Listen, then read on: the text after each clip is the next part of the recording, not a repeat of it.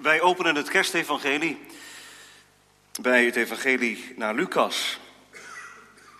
Het tweede hoofdstuk, we lezen de eerste zeven versen. Lucas 2, vers 1 tot en met 7 is de schriftlezing voor deze morgen.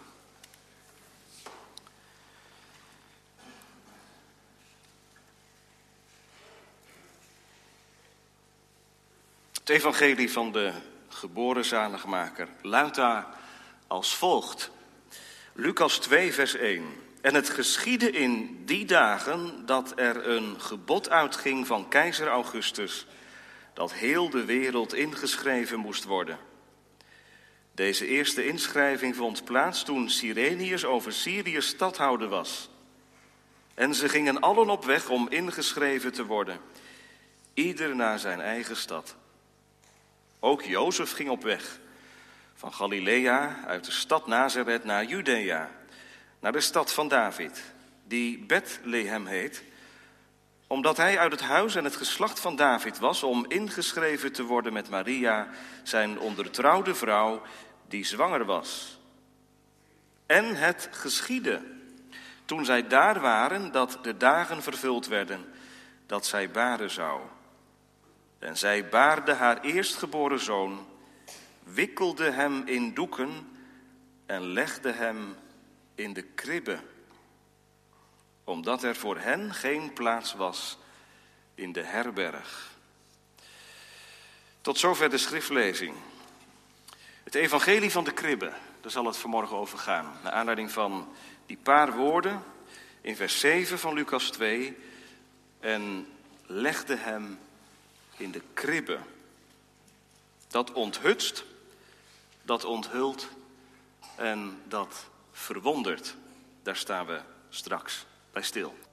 In de vorige eeuw vond het plaats. In België.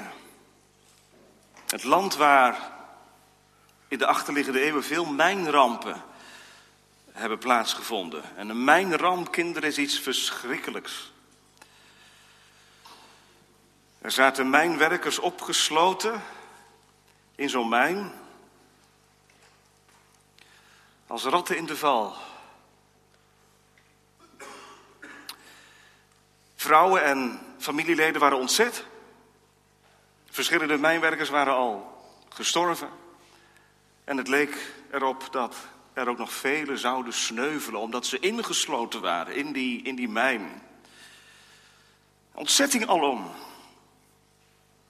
En velen togen uit naar die mijn om mee te leven met de reddingswerkers die alles probeerden om zoveel mogelijk mensen toch levend boven de grond te krijgen. En een van de mensen die daar ook was, was koningin Astrid. Zij ging als koningin naar die mijn toe om meeleven te betonen. En kinderen, ze deed dat niet in haar koninklijke kledij. Weet je wat ze deed? Ze legde haar koningskleed af en ze deed de eenvoudige kleding van de mijnwerkers aan, zodat ze een van hen werd.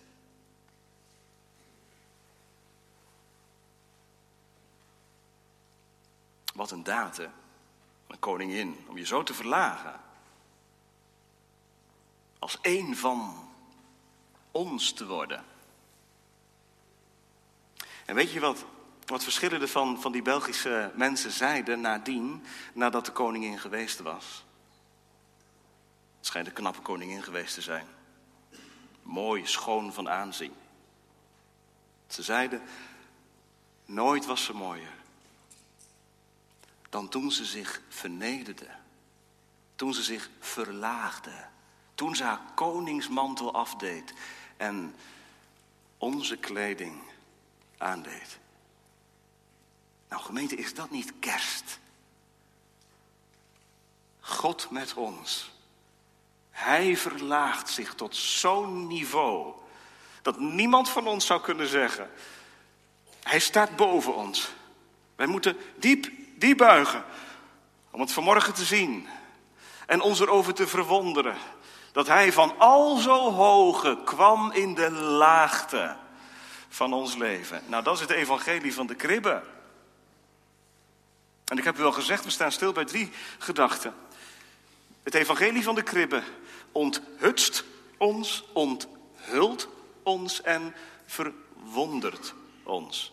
Het onthutst, het onthult en het verwondert. Allereerst dus het onthutst. Kerst. Dat is het vandaag. En kinderen, wat is kerst? Dan denken wij aan de geboorte van een kind. Of het kind. De geboorte van Jezus, want dat is toch de essentie, dat is de kern van kerst. Als je vers 6 en 7 van Lucas 2 op je in laat werken en even losweekt van de rest van het hoofdstuk, dan zou je zeggen, ja, dat is het dan ook. Hè? Er wordt een kind geboren. Maria baart haar eerstgeboren zoon, wikkelt hem in doeken, legt hem in de kribbe, omdat er geen plaats was in de herberg. En allerlei taferelen komen in ons hoofd boven. Allerlei aandoenlijke, uh, idyllische plaatjes misschien wel. Hè, van, van Maria die haar eersteling ontvangt. En in een stal voor beesten neerlegt. Nou, er zijn tal van schilderijen en plaatjes inmiddels gemaakt in de loop der tijd. Dus het kost niet veel moeite om, om daar iets bij voor te stellen. Heel liefelijk. Haast wat romantisch, zou je zeggen. Maar dat is het nou net.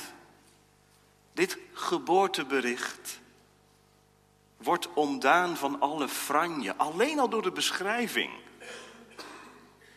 En dat is echt niet te wijten aan Lucas, de droge historicus, die alleen maar zakelijk de feiten rangschikt en in orde verhaalt. Nee, dit is wat de bedoeling is van kerst. Vers 6 en 7, dat is in de kern.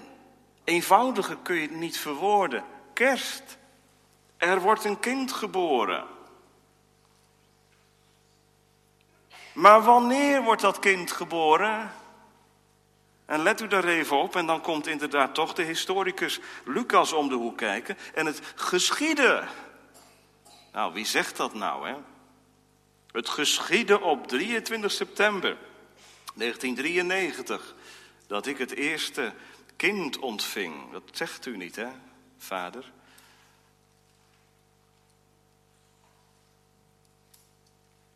Lucas zegt het wel. En niet voor het eerst.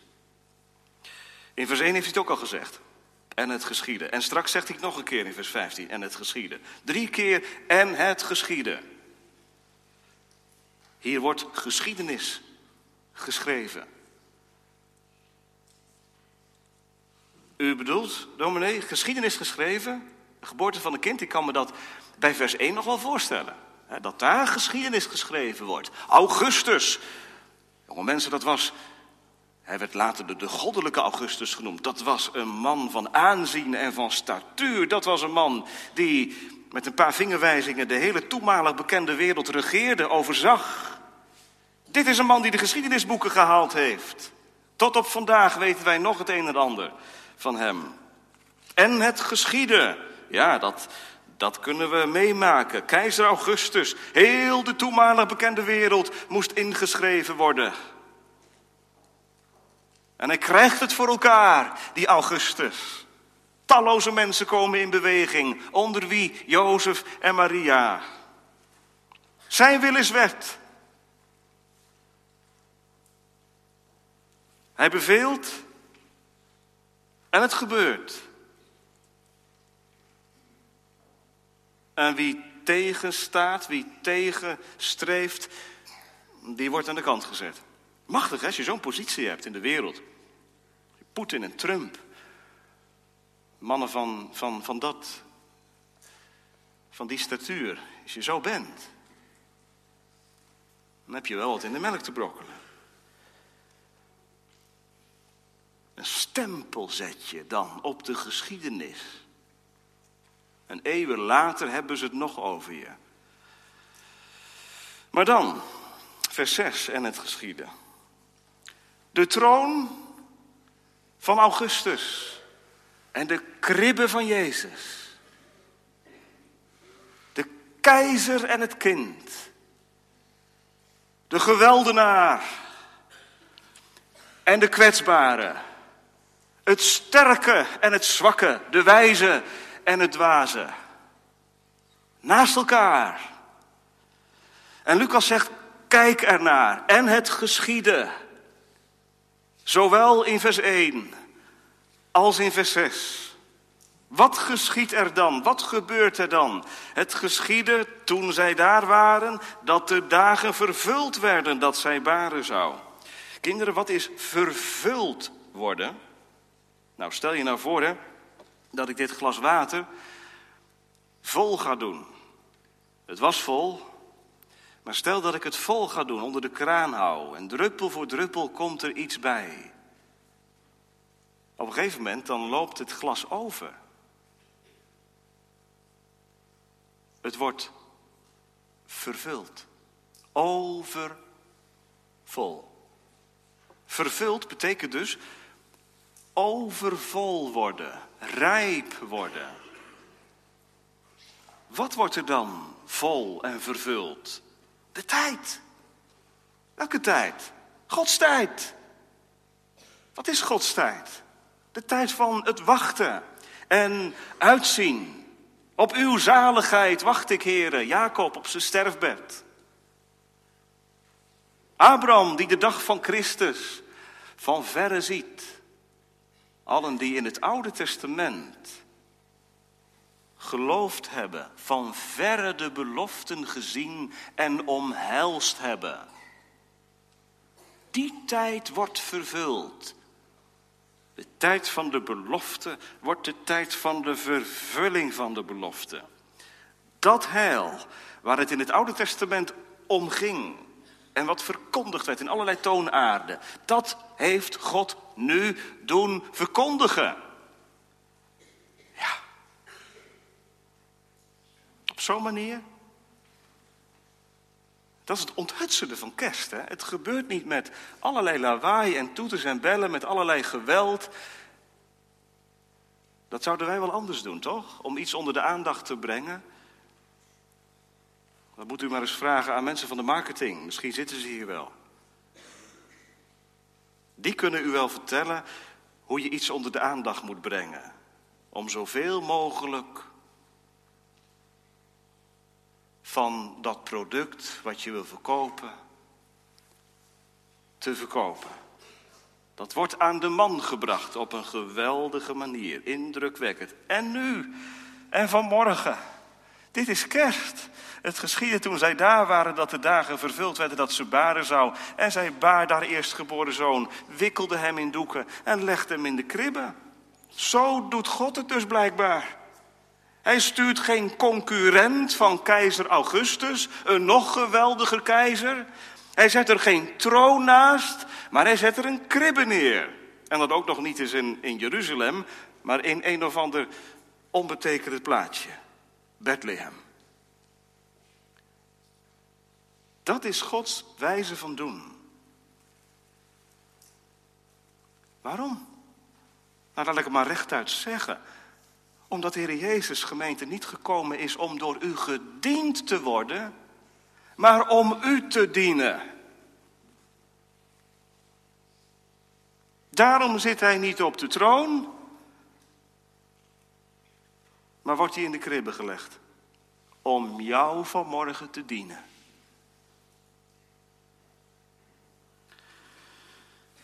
Luther zegt het zo. Dat alles heeft hij voor ons gedaan. Zo diep is Hij met ons begaan. Hij neemt de plaats in van het allerlaagste, van het allergewoonste, van het meest schamele. Waarom? Zodat jij je vanmorgen niet hoeft op te wekken, op te werken tot in de hemel. Dat is het vermoeiende van alle, alle, alle andere godsdiensten. Naast het christelijk geloof, daar moet je alleen maar werken, doen, verdienen, presteren. En het nooit zeker weten. Altijd maar twijfelen. En het unieke van het christelijk geloof is dat er een kind geboren wordt in onze ellende en schamelheid. En dat God daarmee onderstreept vanmorgen, mens, wat ik wil is dat u van genade leert leven. En dat niet één keer, maar steeds weer opnieuw. Dat krijg je toch niet onder de knie, of wel? Van genade leven. Dat blijft toch een, een, een oefening. Nou, hier begint het. Hier begint het van genade leren leven. Je laten verrassen door de onthutsende werkelijkheid van kerst.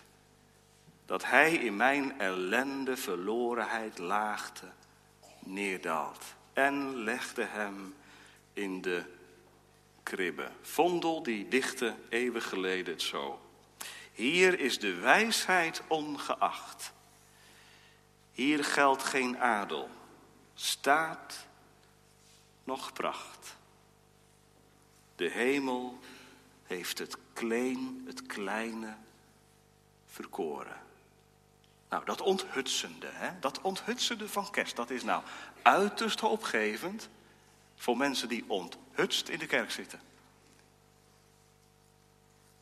En die zeggen, ik ben ook aan het werk en me aan het opwerken, aan het presenteren. En de maat is nooit vol, het is nooit genoeg. Ik heb altijd het gevoel dat het beter kan en ernstiger en indrukwekkender. En hier is de wijsheid ongeacht. Hier geldt geen staat of pracht. Het dwaze van God is wijzer dan de mensen. Het onedele kiest God uit. De kribben en de zondaren. Onthutst zijn we. En wie onthutst is, ziet ook iets onthuld worden. Onze tweede gedachte. Want we gaan nog eens beter kijken naar die kribben. We verbazen ons, ik heb het al gezegd, over de nederigheid van de beschrijving van Lucas. Het is zonder franje, zonder omhaal van woorden, recht toe, recht aan. Dit is kerst. En zij legde hem in de kribbe. Tegenwoordig, als, eh, als ik door Apeldoorn rij. En je ziet ergens slingers hangen, blauwe slingers of roze slingers, een ooievaar. Of, ja, het kan tegenwoordig nog veel, veel indrukwekkender natuurlijk, dat weet u ook wel. Maar je aandacht wordt er als vanzelf naartoe getrokken. Er is een kindje geboren, hè, kinderen, dat, dat zie je. Mensen komen daarvoor uit, tot in de voortuin toe. En Lucas neemt ons mee in een verblijf onder of naast een gastenhuis. Wat het precies geweest is, een verblijf voor de dieren, mogelijk. In de schemer van een plaats waarvan wij niet zouden zeggen, nou daar moet een kind, daar kan een kind ter wereld komen, daar gebeurt het. En waar moet dat kindje in liggen, kinderen? Waar moet Jezus in liggen? Nou, niet waar eh, Amalia in lag. In een prachtige wieg. Waar de moeder van Amalia en de oma van Amalia en de overgrootoma van Amalia misschien wel ingelegen hebben. Jezus ligt in een kribje, een voerbak eigenlijk. Zo'n vieze voerbak. Een trog waar de beesten uit aten.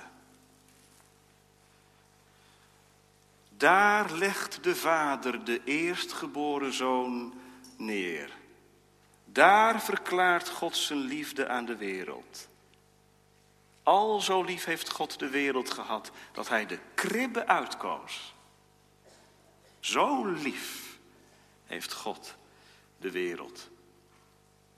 In een achterhoek is hij te vinden. Waarom doet God dat zo? Dat is de vraag die u misschien hebt al luisterend. Waarom doet God dat zo? Weet u wat Augustinus eens gezegd heeft? God is al nederig. God is nederig en daarom doet hij dat. God is neerbuigend goed, neerbuigend genadig, neerbuigend nederig. Hij legt alles af. En hij zendt zijn zoon in de gedaante van een mens en hij legt hem in de kribbe. Zodat Maria met recht kon zingen. Voordat het kindje geboren werd. Machtigen stoot hij van de troon, nederigen verhoogt hij. Dat is opzoekende zondagsliefde ten top, gemeente, waar God laag afdaalt. Wij zongen het afgelopen zondag. En iemand zei na de dienst, wat gaan die psalmen spreken als je ze betrekt op kerst? Die ons genadig bood de hand. In onze lage stand. Dat doet God. Nou, gemeente, God is al nederig hoor. Wij hoeven hem niet te bewegen nederig te worden. Hij is het al. Maar nu de vraag, ben ik het ook? Zijn wij het ook? Nederig en klein. Ja, en daar zit het probleem, hè? Als we er tenminste nou eens niet omheen gaan draaien met z'n allen. En zeggen dat kerst best een beetje aansluit bij onze werkelijkheid en bij ons leven. Ergens sluit het helemaal niet aan, hè? Dit wil je toch niet? Maar God zegt, ik zoek de aansluiting op deze manier, de weg van de liefde. Dat is mijn weg om zondaren die niet in verbinding staan met mij te redden. Dit is de weg om, als je de Heer Jezus lief hebt, opnieuw verwonderd over te raken. De weg van de liefde. Zo komt God binnen. Hij dringt zichzelf niet op, gemeente. Dat moeten wij ook niet doen. In evangelisatiewerk. Wij gaan onszelf niet opdringen. God doet het ook niet. God doet wel een liefdesaanzoek. Ik leg mijn zoon in een kribbe. Dat is een liefdesaanzoek. Het is blijkbaar de manier die God verkiest, nog altijd, om in harten van zondaren binnen te komen en te wonen. Paulus zal het later zo zeggen. Hij die rijk was, hij werd arm. De hemelse heerlijkheid legde hij af. En de menselijke gedaante nam hij aan. Dat is liefde.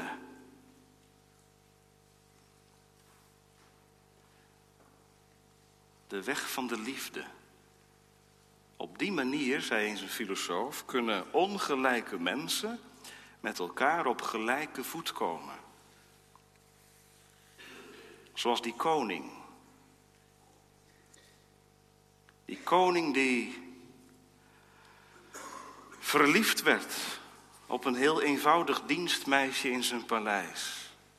Hij wilde haar zijn liefde verklaren, maar hij zat hoog op de troon en zei: Ach, zij deed het nederigste werk in het paleis.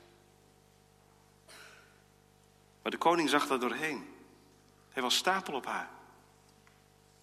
Nou, het was natuurlijk een fluitje van een cent om, om zo'n meisje een kroon op het hoofd te duwen en prachtige kleding aan te doen. En met haar te trouwen. En haar voor te doen alsof zij ook van koninklijke komaf was. Maar de koning dacht bij zichzelf na: ik kan de liefde wel aan haar verklaren, maar ik wil de liefde niet afdwingen. Het moet echt van twee kanten komen. Het moet ook bij haar van binnenuit komen. De koning voelde zich zo gebonden. Dat kan, hè? door je koninklijke waardigheid kun je je gebonden voelen. Wat deed die koning toen? Hij kleedde zich in de gestalte van een bedelaar. Hij deed lompen aan. Het zag er niet uit. En zo ging hij de dienstmeisje opzoeken. Ze woonde in een heel eenvoudig huisje. En hij klopte aan. En vertelde dat hij haar lief had.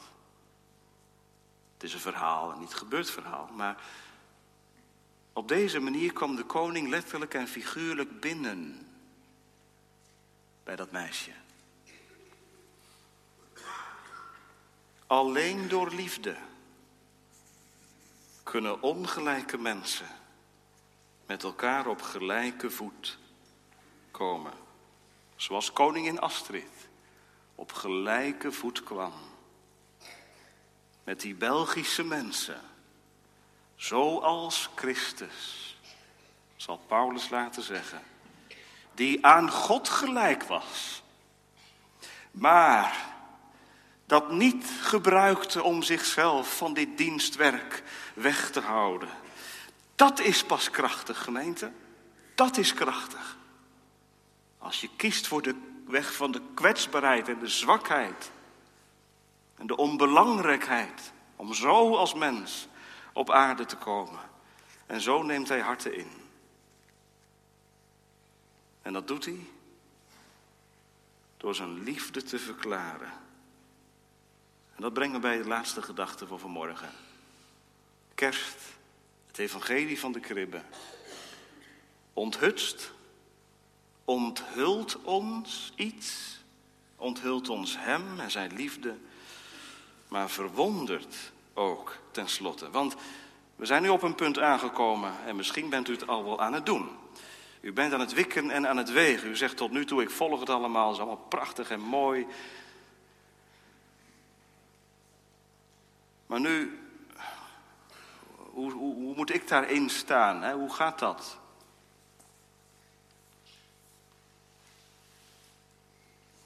Hoe kom ik eraan? Hoe krijg ik er deel aan? Nou, ik zou zeggen, in ieder geval niet buiten blijven staan, maar meekomen. De stal in. Dat mag. En naar die kribben kijken. Want in de prediking van het woord wordt Christus uit de doeken gedaan en wordt hij als het ware in de kribbe van de prediking gelegd. U hoeft niet naar Bethlehem te gaan. Kinderen, dat kan ook helemaal niet. Wij kunnen niet naar de kribbe toe. Letterlijk bedoel ik. Maar de preek van deze dag is de kribbe waarin God zijn zoon legt. Hij legt hem zomaar in de kribbe neer. Nou, niet zomaar. Dat is liefde.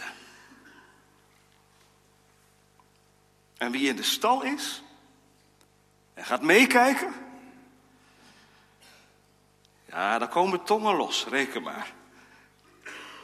Komt verwonderd u hier mensen, zie hoe dat God u bemint. Dat gaat leven als ik naar de kribben ga kijken en kijk wie erin ligt en me verbaas en verwonder dat God zo'n wijze van doen heeft. Dat hij zichzelf verlaagt voor schuldigen,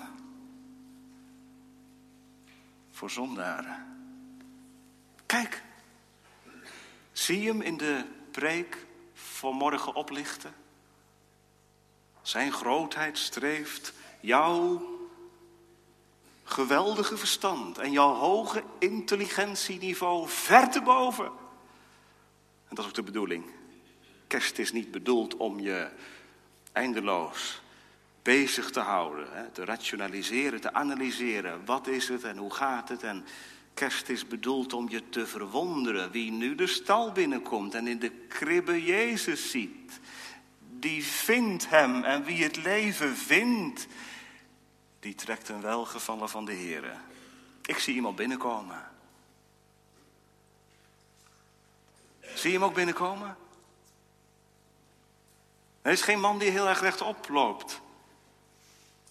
Komt iemand al wankelend de stal binnen. Hij strompelt haast de stal binnen en hij valt voor de kribbe neer. Aan het eind van zijn krachten. O God, al te lang heb ik uw liefde weerstaan. Een leven van liefdeloosheid ligt achter mij. Het is eigen schuld. Ik heb er een rommel van gemaakt. Hier ben ik. Ik heb u lief omdat u mij eerst lief had. Uw liefdesverklaring alleen. Dat is de reden waarom ik kom. Ik kan u niets aanbieden dan enkel schuld. Mijn leven getuigt tegen mij. Zwarte bladzijden tellen mijn levensboek. O God, mag ik dichterbij komen? Stuurt u mij niet weg? Zegt u niet, daar is de deur.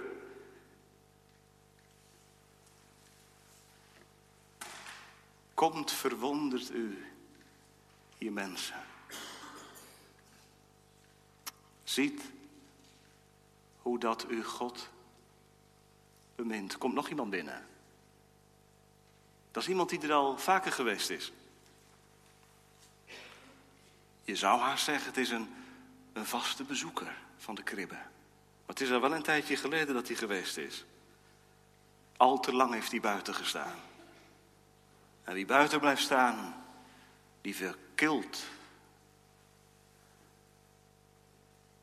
De glans gaat eraf van het wonder van kerst. Maar je komt binnen, al schuifelend. Ik ben Jezus uit het oog verloren. Maar vanmorgen heb ik het gehoord, hij is mij niet uit het oog verloren. Het is goed dat u komt om hem te bewonderen. Kunt u nooit genoeg doen. Mensen kunnen u daarom tegenhouden. Dat is te. Iets ingetogene mag ook wel. God zal u niet tegenhouden. Hij geeft zijn zoon om je over te verwonderen. En het wonder nooit te boven te komen. In de stalgemeente, daar komen de tongen los. Rond de kribbe, daar gaat het leven. Het kinderke is mijn rijkdom. Hij kwam in mijn armoede om mij rijk te maken. Ik heb alles verloren. Maar Jezus verkoren. En bij die kribben, bij die eenvoudige kribben, daar vindt groei in de genade en de kennis van de Heer Jezus Christus plaats. Daar ontmoet je elkaar ook. En daar zegt Paulus samen met al de heiligen. Ga je daar ontdekken, naspeuren, de liefde van Christus. En of je nou een preek leest van Luther of van Augustinus of een preek van Spurgeon. Of je hebt een goed gesprek met een andere christen van een andere kerk of van deze gemeente.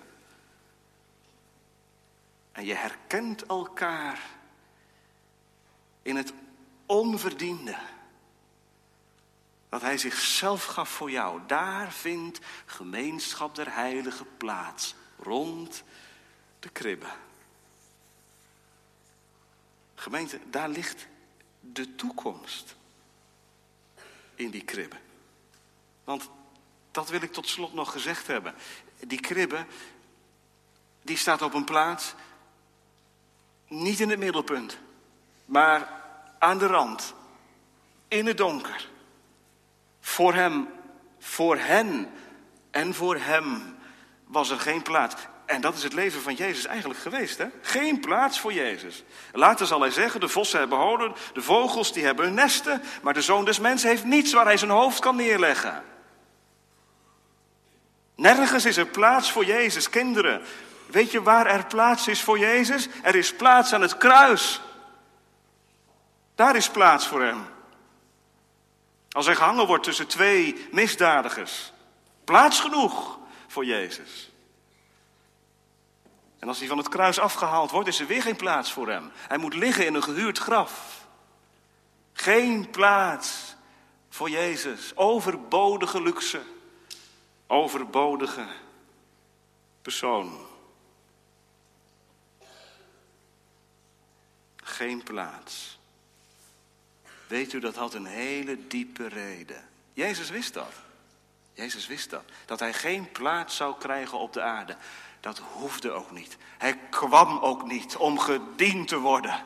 Om in comfort en luxe ontvangen te worden. Om een plaats naast de keizer te ontvangen. Daar kwam hij niet voor. Hij kwam in onze ellende. Waarom? Om een plaats te bereiden in het vaderhuis. Hij is op weg. De kribbe is het begin.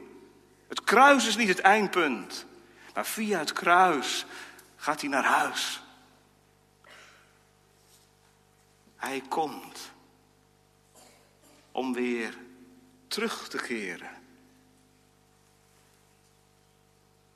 En daar zijn veel woningen.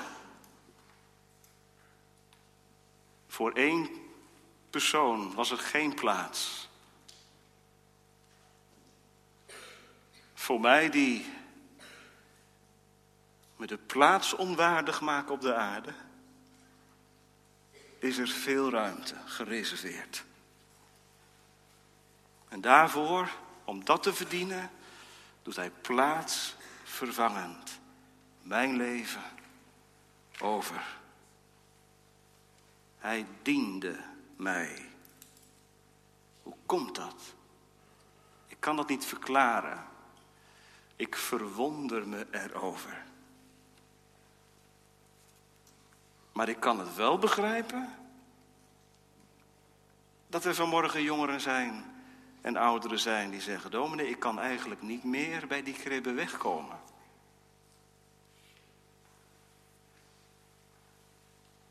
Ik ben het niet weg te slaan. Al zouden ze me erbij weg willen halen en trekken. Hij die een goed werk in mij begonnen is, hij zal het ook voleindigen. En ik blijf maar in stille aanbidding, iedere dag, komen bij die nederige Jezus. Leid mij, machtig heiland, door dit aardse traandal heen naar de woning die u al gereserveerd hebt. Ik wil dat waar ik ben, ook die bij mij zijn die u mij gegeven hebt. Dat is de toekomst. Voor mensen die buigen bij de kribben.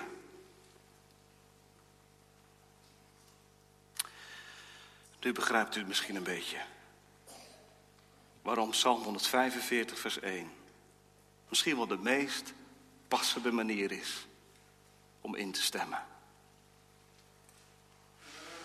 Ik zal, o Heer, die ik mijn koning noem, de luister van uw majesteit en roem verbreiden en uw wonderlijke daden met diep ontzag aandachtig gadeslaan.